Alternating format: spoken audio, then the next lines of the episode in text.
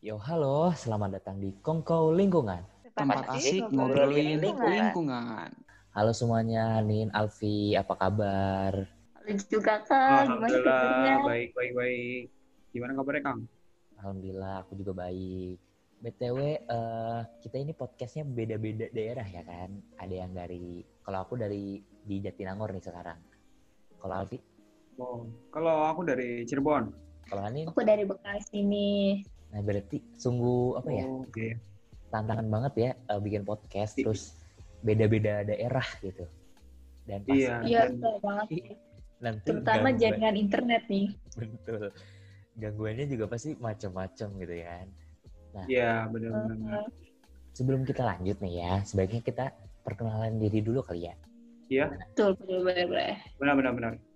mungkin dari Alfi dulu deh Oke, aku Alfi dari FTG 2020. Anin Aku Hanina dari MIPA 2020. nah sedangkan aku sendiri eh, Angga Argun dari Vkom 2018 nah di sini Iya. tuh kita mau bahas-bahas seputar isu lingkungan nih baik nasional maupun internasional tentunya dibahas dengan Hmm, enjoy, asik lah pokoknya untuk kalian dengarkan kayak gitu. Iya, iya, iya. Kayaknya seru deh ya. Tapi nih ya, Kang, Anin, ngomong-ngomong soal lingkungan, aku apa merasa bumi ini lingkungannya semakin tambah parah aja nih. Betul. Salah satunya pengelolaan sampah yang buruk. Contohnya, sebenarnya kita bisa lihat sih dalam kehidupan sehari-hari. Seperti sungai-sungai yang ada di sekitar itu, di sekitar kita itu banyak banget sampah yang menumpuk. Bener Benar banget sih. Bener banget, bener banget. Jangan kan di sungai, jalan-jalan sekitar aja pas lagi jalan-jalan kan pasti ada sampah tuh. Iya, udah Iya, udah banyak sampah di mana-mana. Nah, Iya benar juga tuh. Eh, bukan hanya itu, tapi juga banyak juga kematian hewan yang mati akibat sampah, terutama sampah plastik sih. Itu yang menjadi penyebab hewan mati. Wah, sedih banget ya. Sedih banget. Iya, Kau nggak? Karena gua pernah nonton video nih. Nah, Iya. di video itu tuh ada hewan dikasih cairan. Terus pas hewannya muntah, isi cairan tuh kayak plastik, plastik kecil gitu loh, yang udah mikroplastik gitu. Berarti kan selama ini mereka makannya plastik dong. Kasian serem, deh. Wah. serem banget ya. Wah, kasihan juga sih ya itu hewan-hewannya. Oh, iya benar. Terus juga aku pernah nih, aku ngeliat video, ada Iya. penyu, penyu itu mati gara-gara di lehernya itu apa ya? Ada sampah, sampah, sampah gitu. Dan Oh, sampah itu iya, iya, ngecekek iya. diri si penyunya. Otomatis Kayak ya nyangkut gitu ya. dan akhirnya kan kalau leher kesangkut ya si penyu nggak bisa bernafas dan akhirnya mati dan aduh itu Ya, salah satu hal yang ya. banget gitu loh hewan-hewan banget juga sih. hewan-hewan juga jadi banyak terdampak gitu Nah, iya benar-benar. Oh iya, aku ada info sih sebenarnya. Kalian pernah dengar nggak sih penelitian dari Pusat Nasional Geosis Santa Barbara Apa itu? Penelitian apa? iya tentang Nah. Jadi sebenarnya mereka itu meneliti, terutama dalam jurnal Science menyatakan bahwa 8 juta metrik ton sampah, terutama sampah plastik, itu mencemari lautan setiap tahunnya. Dan diperkirakan tahun 2025 itu sampah plastik mencapai dua kali lipat dari jumlahnya. Bayangkan, bayangin segimana itu.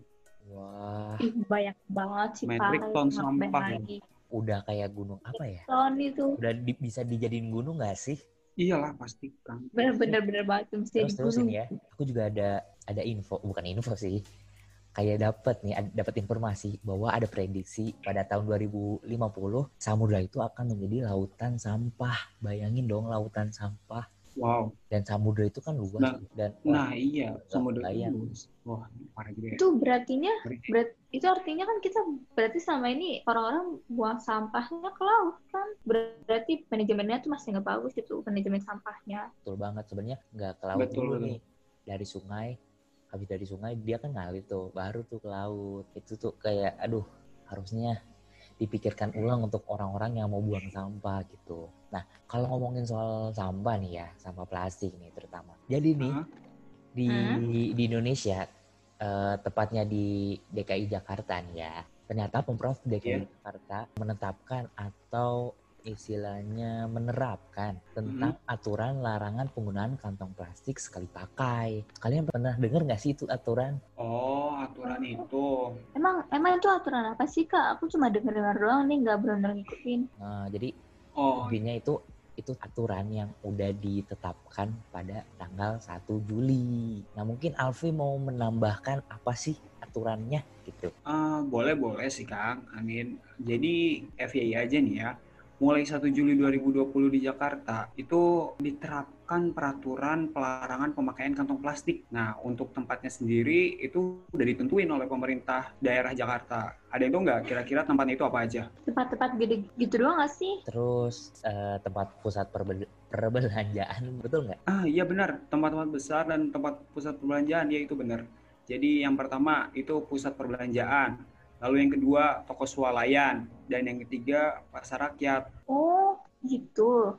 Terus gimana tuh pelaksanaannya? Udah benar-benar pas nggak tuh ke seluruh rakyat nyampe informasinya? Apa gimana tuh pelaksanaannya gimana sih? Gimana ya? Aku tahu nih. Jadi Oh, tuh Kang Angga tahu tuh. Oke, jadi gini nih, aku pernah, aku dapat nih info. Waktu itu aku tanya-tanya nih temanku yang emang domisilinya di Jakarta. Kata mereka sih untuk eh, penerapan itu udah dilakuin sama supermarket dan minimarket. Jadi intinya supermarket dan minimarket tersebut sudah tidak menyediakan lagi kantong plastik. Jadi mereka nggak akan ditawarin tuh, Fik.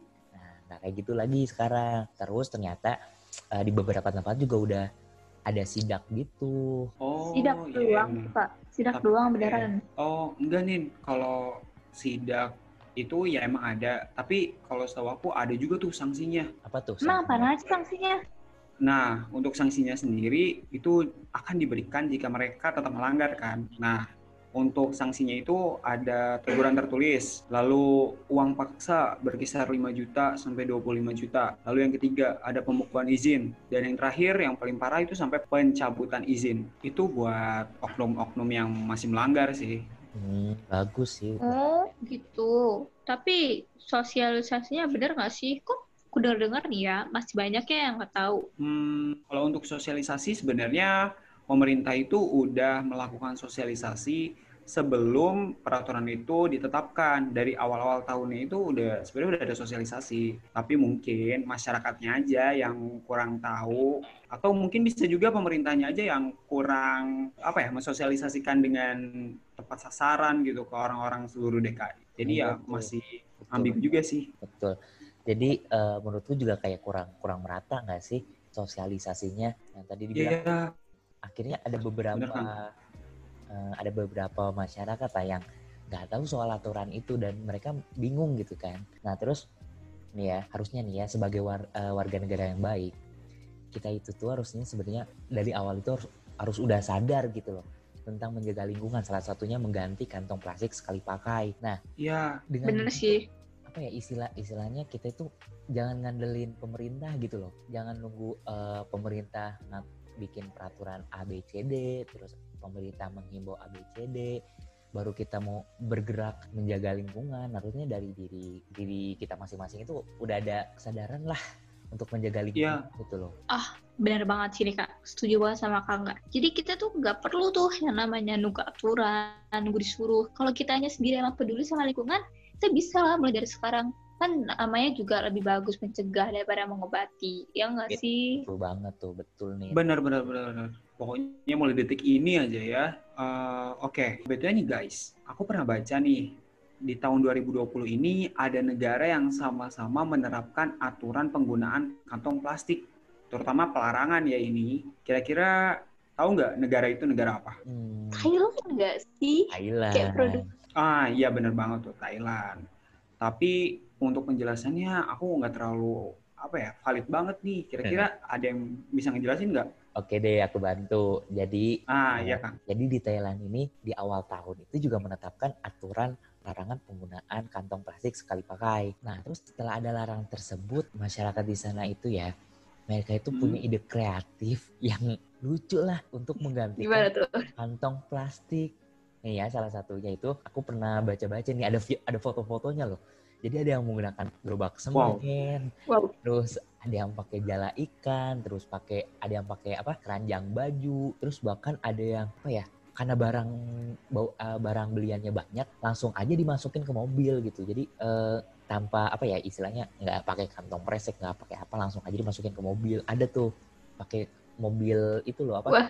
bak mobil bak terbuka tuh ada tuh. Oh iya iya iya iya. iya. Kreatif kreatif banget nggak itu? Tapi ini ya sih kreatif Itu banget sih. banget sih. Nggak, kita kan nggak kepikiran ya sih, maksudnya dipakai bener-bener. apa jala ikan gitu atau Iya. gerobak Tapi tapi nih ya, bisa juga sih. ya, menurut aku Hmm. nih ya, mereka tuh Ya. bisa kayak gitu karena pemerintah Thailand sendiri tuh punya aturan yang tegas. Jadi karena mereka punya aturan yang tegas, ya mau nggak mau lah mereka buat muter otak mereka supaya menemuin cara yang bagus, yang inovatif tuh kayak yang disebutin Kangga tadi. Iya, Nah betul banget tuh terus. itu juga. apa, eh, gimana? Mau Alfi dulu? Ah, boleh deh. Oke, kalau menurut aku itu disebabkan karena apa ya orangnya juga maksudnya nurut gitu tuh maksudnya udah udah ada aturan dan mereka tuh takut jadi mereka Hmm. mencari alternatif lain. Benar. Terus juga selain patuh ya tadi itu eh, masyarakatnya patuh, terus juga sadar juga tuh dan akhirnya muncul juga tuh ide-ide kreatif jujur aku itu salut sama mereka yang akhirnya apa ya tidak mempermasalahkan tentang aturan itu tapi mereka ngebuat eh bukan ngebuat sih me- mengide meng- pokoknya ide lah ada idenya mereka untuk menggantikan kantong plastik gitu tanpa harus apa ya minta-minta ke pemerintah eh harus harus bagaimana harus gimana kayak gitu kan iya iya benar-benar kan Jadi ini Bagus, tuh ya. intinya kan harus ada itu kan intinya interaksi dua arah gitu kan. Jadi kita saling membantu lah antara pemerintah sama kita sebagai masyarakat. Gak mungkin kan ini cuma dari satu arah doang. iya Hmm, betul banget tuh. Nah, terus nih, kalau kita bahas soal kantong sampah ya, eh kantong sampah, sampah plastik nih. Kalau dari Iya. kalian sendiri, ada nggak sih solusi-solusi yang bisa dilakuin gitu, terutama pemerintah dan masyarakat. Nah, dari kalian ada yang mau jawab duluan nggak nih? Aku boleh deh kak. Nah boleh yaudah. Hanin duluan deh Nih, kalau dari aku nih ya khususnya nih buat pemerintah. Itu tuh mereka seharusnya bikin peraturannya lagi tuh diperjelas nggak cuma dari isinya tapi sampai ke pelaksanaan dan juga sosialisasinya karena kalau misalnya isinya udah jelas tapi mereka nggak sosialisasiin nggak bener maksudnya nggak semua rakyat tahu ya percuma dong ada aturan tapi masyarakat nggak tahu iya tuh benar Betul banget, benar. betul banget. Jadi intinya pemerintah harus lebih tegas lagi, lebih apa ya, menjelaskan lagi aturan ini dan pelaksanaannya juga harus tegas gitu. Nggak cuma ya ada Nah. tapi eh, apa pela- pelaksanaannya ya gitu deh gitu kan. Iya, dari benar Alif, tuh. apa nih? Alfi kan Oh iya. Asik.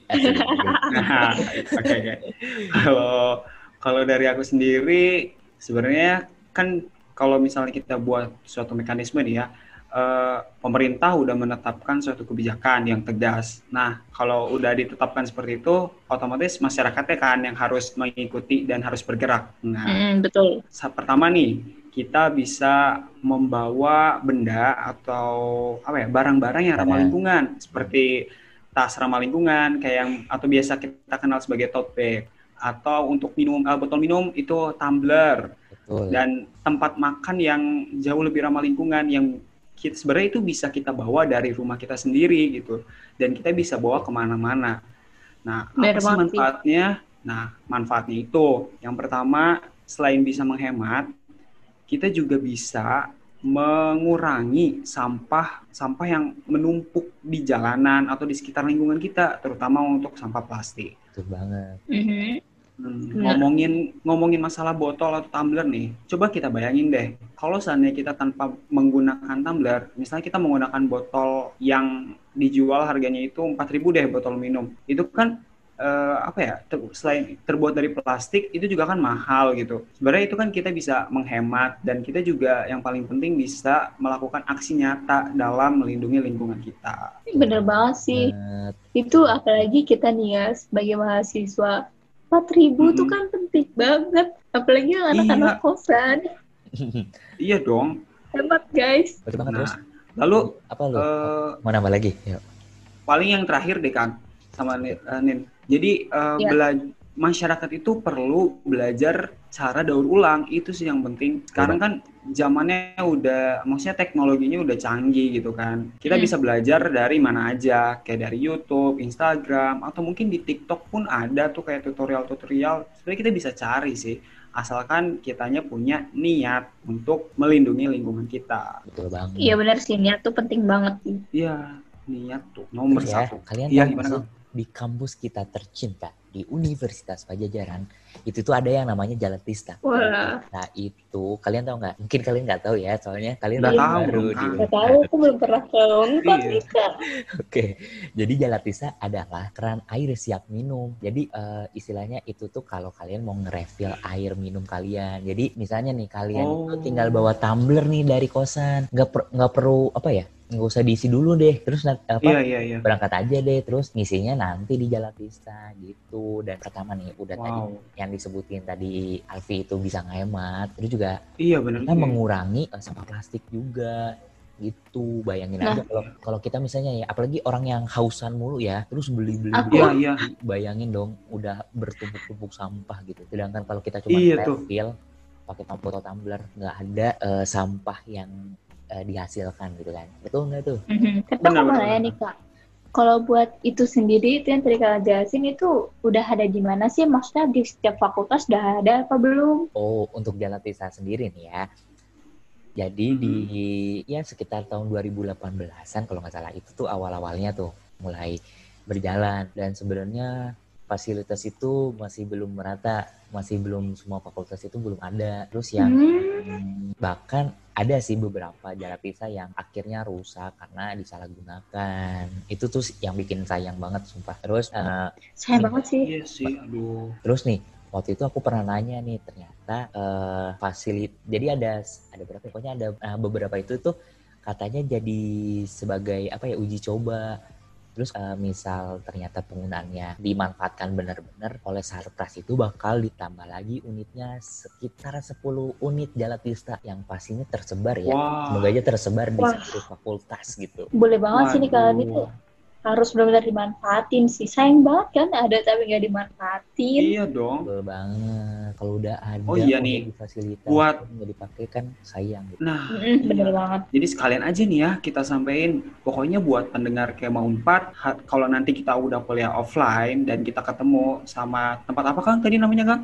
Jalatista. Nah, itu kita harus bisa benar-benar manfaatkan se- semestinya Sebaik gitu. mungkin Jangan ini. ya sebaik mungkin. Kita harus menggunakan secara efektif gitu. Jangan sampai kita menyalahgunakan dan itu malah terbuang sia-sia gitu. Kalau di negara-negara maju kan itu benar-benar dimanfaatin kan. Bahkan kayak di bandara-bandara gitu orang-orang udah biasa gitu sama mereka. Bahkan mereka Iya. langsung minum di situnya gitu kan. Iya bener banget. Betul, itu kalau di luar negeri itu udah di mana-mana. Kayak udah umum Ah, kita ditemuin. Nah, justru dengan adanya seperti ini di Unpad ya harusnya kita bangga kan dan harus bisa apa ya me- melestarikan gitu ya atau apa menjaga menjaga Jaga. nah, ah, menjaga tuh penting banget Nah, dari kalian ada mau yang ditambahin lagi nggak nih? apa Oh, ya aku ada nih. Apa tuh? Hmm, Jadi- gimana tuh nih Ini tuh, kan tadi kita udah ngasih saran-saran nih. Betul? iya Intinya tuh, semua tuh harus dimulai dari sekarang. Kalau nggak dari sekarang, ya mau kapan lagi kita mulai gerakan-gerakan kecil gini? Betul banget.